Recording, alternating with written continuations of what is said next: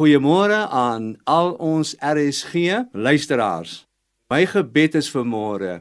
Here, help ons elkeen wat na hierdie boodskap luister, dat ons harte sal oop wees vir u woord, dat ons harte ontvanklik sal wees vir u woord. Ons vra dit in Jesus naam. Amen.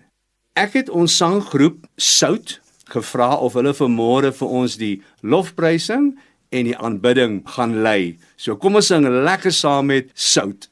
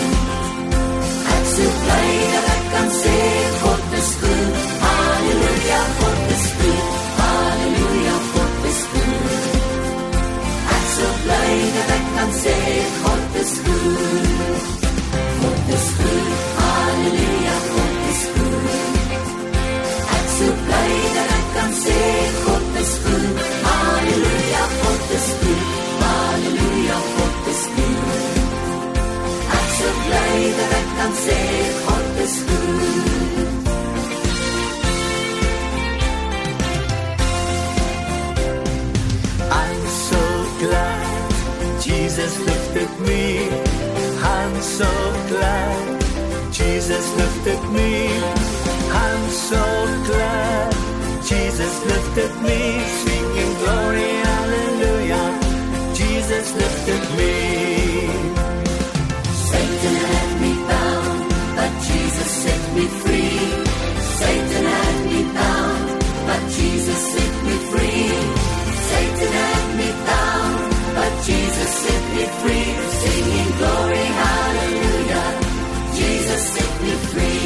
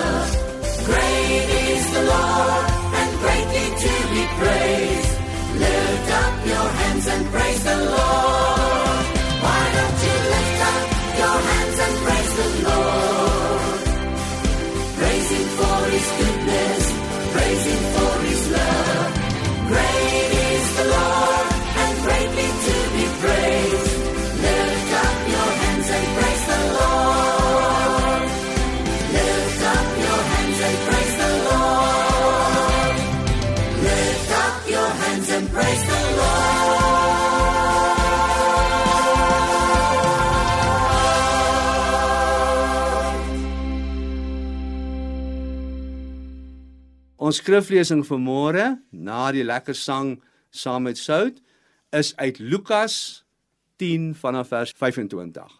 'n Wetsgeleerde kom by Jesus en hy sê: "Jesus, wat moet ek doen om die ewige lewe te verkry?"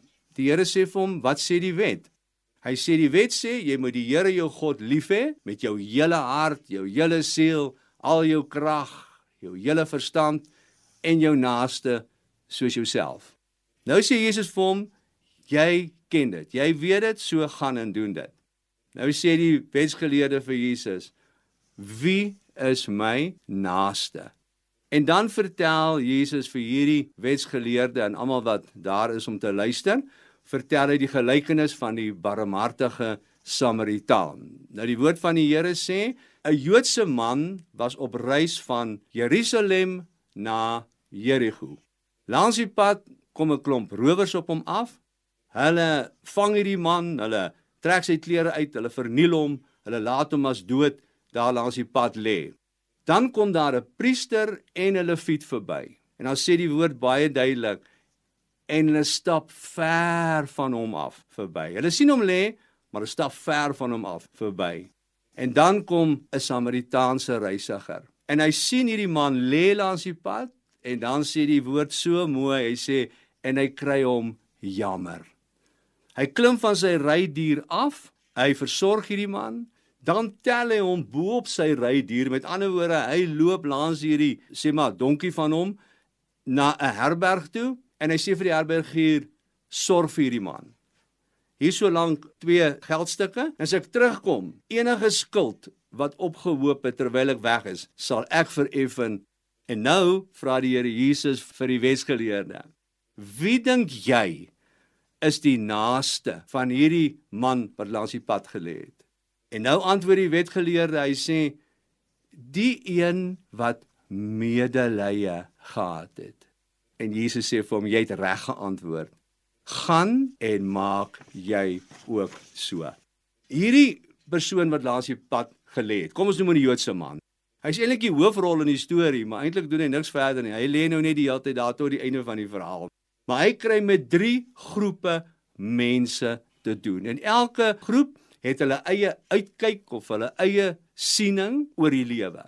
Nou die eerste groep waarmee hierdie Joodse man te doen kry, is die rowers. En ek noem die eerste groep wat joune is, word myne. Die mense wat dink wat joune is, wil ek hê. Dit maak nie saak wat dit gaan kos nie, maar ek wil hê wat jy het. En ek dink as mens na die boonste vlak van hierdie mense gaan kyk, die ergste klomp in hierdie groep, dan is dit die blaatante, brutale mense wat sal moord pleeg vir enigiets van baie geld tot tot jou selfoon. Maak nie saak wat dit is nie. Hulle gee nie om vir 'n lewe nie. Hulle kaap jou motor en as jy hom nie vrywilliglik oorgee nie, dan skiet hulle jou en as jy as hulle sommer net lus het, dan skiet hulle jou ook. Hulle het geen agting, geen respek vir lewe nie. Mense wat inbrake doen, uh, transito rooftogte, hulle blaas 'n hele trok op en en wie ook al daarin sterf, maak nie vir 'n saak nie. Hulle noem dit kollaterale skade. Dit is nou maar so, jy's op die verkeerde plek. Ons wil hê wat jy het en dit maak nie saak wat ons doen om dit te kry nie, ons gaan dit vat. Wat joune is, word myne. Die tweede groep onder hierdie eerste groep, as ek so dit kan noem, noem ek die korruptes. Dit is vir my asof die mensdom sy etiese kompas byster geraak het. Van kleins af leer 'n mens tog, jy jy mag nie steel nie. Jy mag nie jou maatjie se goed in die skool steel nie. Jy mag nie lieg nie. Dit is gewone waardes wat net besig is om verlore te gaan. As ons in hierdie COVID tyd kyk, korrupsie wat plaasgevind het, kospakkies wat ingesamel word vir arme mense, die armstes onder die armes. En dan kom mense en dan steel hulle daai kospakkies. Hulle het reeds genoeg en dan verkoop hulle dit om nog meer te hê. Met ander woorde, mense steel van die armes. Beskermende toerusting wat gesteel is, 13 miljard. Dis 13 en 9 nulle wat gesteel word van mense wat siek is, wat sterwend in hospitale lê. Maar dit maak nie saak nie, sterwendes, dit maak nie saak nie, kollaterale skade. Solank ek kan kry wat jy het, solank ek meer kan kry, maak nie saak hoe ek dit van jou afkry nie. Toe lees ek in Spreuke en dis 'n verskriklike ernstige klagte wat Spreuke teen hierdie mense rig. Toe ek dit vir my vrou lees, sê sy vir my, dis rof hoor. Mag gaan lees Spreuke 22 en 23. Die wat die armes beroof, pasop, God gaan hulle regsaak verteenwoordig. En dan vers 23 en God sal hulle van hulle lewe beroof. Dis wat die woord sê. Toe ek dit lees, toe skrik ek. Toe dink ek, hoe speel 'n mens partymal met jou lewe? Korrupsie, steel van ander, moord, doodslag, steel van ander. Dan die laagste vlak van hierdie uh, rowery. Ek noem dit die laagste vlak. Luister nou maar mooi. Daar was die hoogste een, dis die blaatante moord en goeters, die tweede een korrupsie en die derde vlak noem ek onbillike of oneerlike besigheid. Nou, ek is self 'n ou wat baie besigheid doen. So ek het niks teen goeie oordentlike wins nie. Maar 'n mens moet waak dat jy nie wins maak ten koste van ander mense nie. Ek het 'n uitdrukking leef en laat leef. En dan is daar in Spreuke weer 'n wonderlike vers. Spreuke 22:14 sê: Die koper sê sleg, sleg. Maar as hy wegstap, dan spog hy oor hierdie eh, bargain wat hy gekoop het, né? Gaan lees dit self. Jy kom bytelmal by iemand, jy wil jou kar verkoop en dan sal hy vir jou sê, "O Willie, hierdie kar van jou was in 'n ongeluk en dit gaan soveel kos om hom reg te kry. En hierdie engine klink nie reg nie. Dit gaan soveel kos." En hy vertel jou al hierdie goed en dit is so oortuigend. Want ek gebruik nou maar net kar. Daar's ouens wat eiendom enige besigheid maak nie saak. Dis maar net 'n voorbeeld wat ek nou gebruik. En op die ou end dan gee hy jou die minste, die minste wat hy kan. Hy tap amper bloed uit 'n klip. En sy wegstap en kom hy by sy vriende en sê nou 'n bargain gekoop. Ek kan hierdie kar verkoop vir dubbel en meer vir wat ek nou vir hom betaal het. Die woord van God sê ons moet pas op daarvoor. Ons moet pas op vir onbillike en oneerlike wins in die lewe. Nou bring dit my by punt nommer 2. Onthou nommer 1 was nou wat joune is word myne. Punt nommer 2. Dis nou wanneer die priester en die leviet by die Jood verbystap. Hulle sien hom ook lê, duidelik want hulle stap ver verby. Hierdie groep noem ek wat myne is, bly myne. En baie keer hoor jy hierdie redenasie, dan praat mense oor goed doen of jy praat oor die armes gee en dan sal iemand sê, "Mam, ek het hard gewerk vir wat ek het." En dan die tweede stelling na die hardwerk storie kom gewoonlik en hierdie mense wat so arm is, te lui om te werk. Dis maklik om te praat uit 'n voordeel posisie uit. Nommer 1. Die feit dat jy sê ek het gewerk vir wat ek het, dank God vir werk. Dis nie so algemeen meer in Suid-Afrika nie.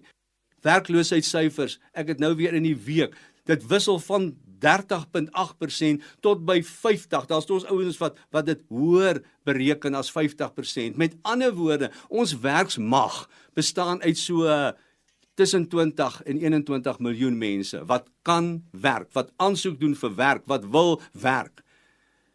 Kom ons maak dit 40%. Van die mense is is is werkloos. Hulle soek werk. Daar is nie werk nie. So is ek my sommetjie vinnig maak. 8 miljoen mense kan nie werk kry nie. Daar is net nie werk nie. Ek dink vandag aan kunstenaars. Kunstenaars werk nie. Hulle hulle doen allerlei dinge om fondse in te samel. Daar sekere winkels, restaurante, besighede wat net nie oopgemaak het nie. Daardie mense het net nie meer werk nie. Niks met lui te doen nie.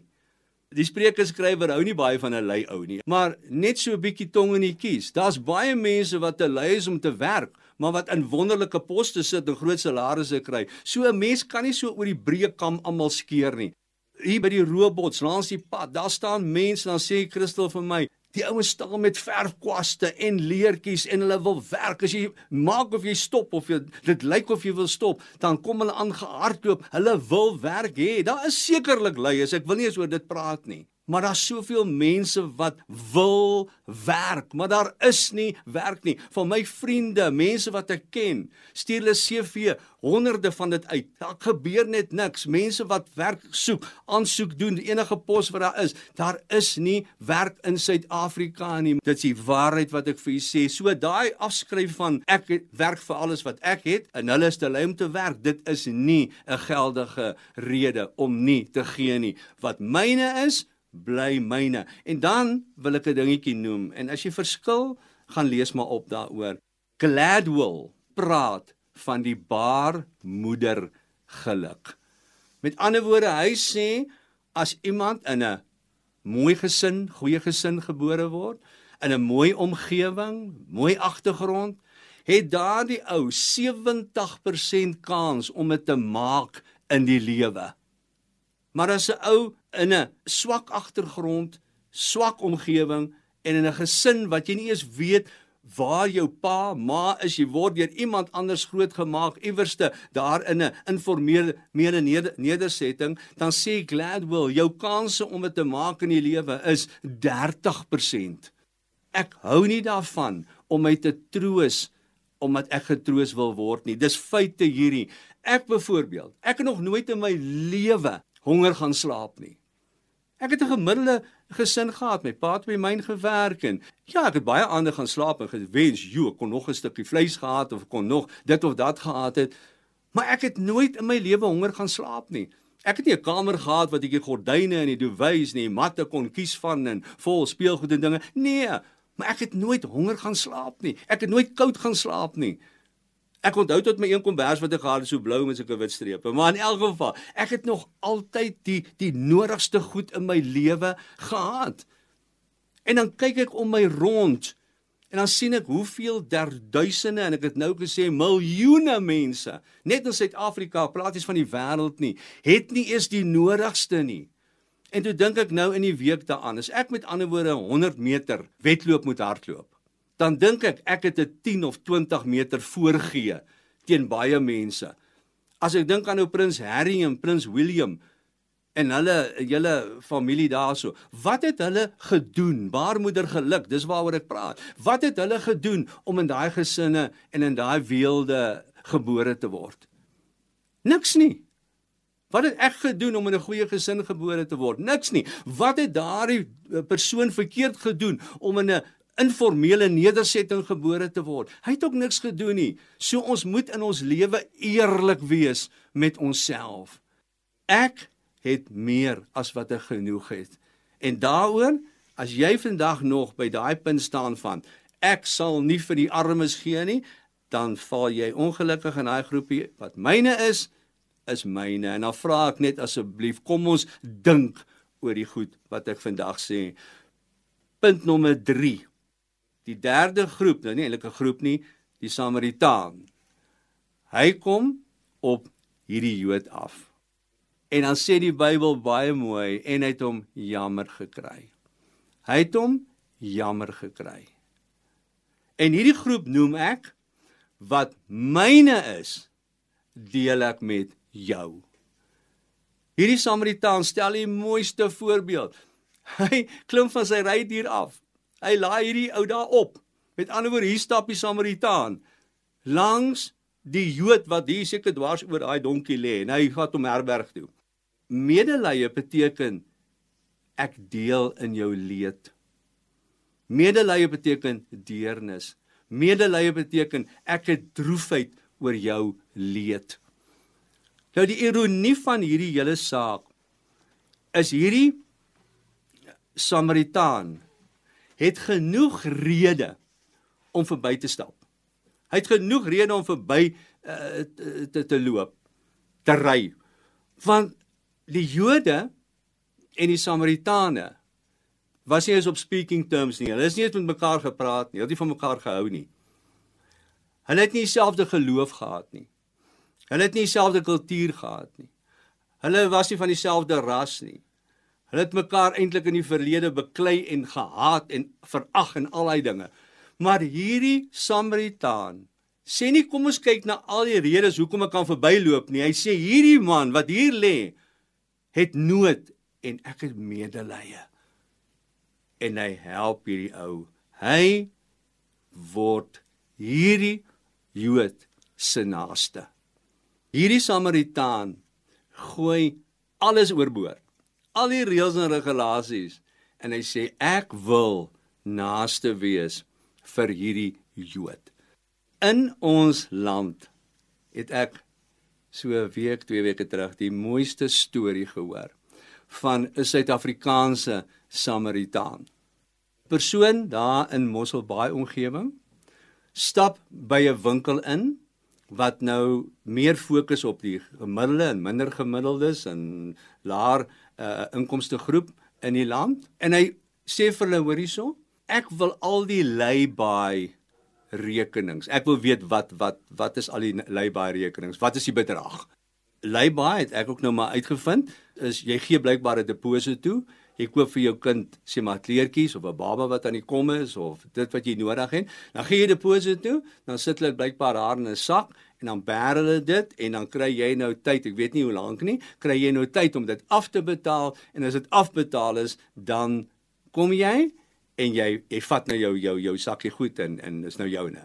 Maar intussen tyd bly dit daar aan die winkel. En hierdie bedrag beloop toe 330 000 rand.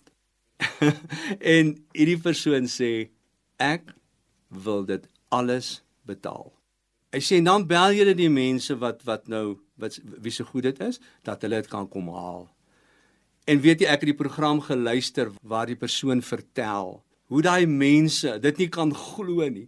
Hoe hulle daar inkom, hoe hulle huil, hoe hulle lag, hoe hulle dit hulle kan nie verstaan nie. Die goed wat hulle nou 'n maand of 2 of 3 nog moes betaal het aan, is skielik net klaar, dis myne. En weet julle my dierbare luisteraars, toe dink ek aan hierdie Samaritaan. Hierdie man wat daar ingestap het. Hy sê ek gaan almal. Hy weet nie eens wie sin hy betaal het nie. Hy weet nie eens wie hy gehelp het nie. En hy stap daar uit en mense lag en mense huil omdat hulle naaste hulle skuld kom betaal het. Is ek en jy naaste vir ons mense, vir ons arme mense in Suid-Afrika? En ek sê weer ons, O en S, ons. Ek praat nooit met julle ander kant toe nie. Ek praat met met met ons vanmôre. God het hierdie boodskap vir my. Ek het nog nooit in my lewe gebring enige ander plek nie. God praat met ons. Kom ons wees naaste vir mekaar. Kom ons vat die opdrag van Jesus en ons sê soos wat hy vir die wetsgeleerde gesê het, gaan en doen jy ook so. So sê die Here vanmôre vir jou en vir my. Gaan en maak julle ook so. Jesus gee nooit 'n opdrag as hy nie die voorbeeld stel nie. Is dit nie maar hoe Jesus na hierdie wêreld toe gekom het nie? Hy het gesê ek kom sterf vir alle volke, nasies en tale sodat elke mens wat my aanneem my kind kan word. Kom ons sluit die oë. Liewe Here, hierdie oggend het ek gehoor wat u sê. En Here, ek bid dat my boeties en sissies vanmôre ook sal hoor wat u vir hulle sê. Ons bid in Jesus naam dat ons hier sal uitstap en naaste vir ons medemens wees in Jesus naam. Amen. En nou gaan ek vra dat ons sanggroep Sout weer vir ons lei in 'n heerlike lofprysing koortjie koortjies, 'n hele paar van hulle sommer. En my boetie en sussie, iewers in die woord, ek het hom nou nie hierso die aanhaling hier by my nie, staan daar baie duidelik om goed te doen. Doen jy goed aan jou eie siel. God seën u tot ons mekaar weer hoor.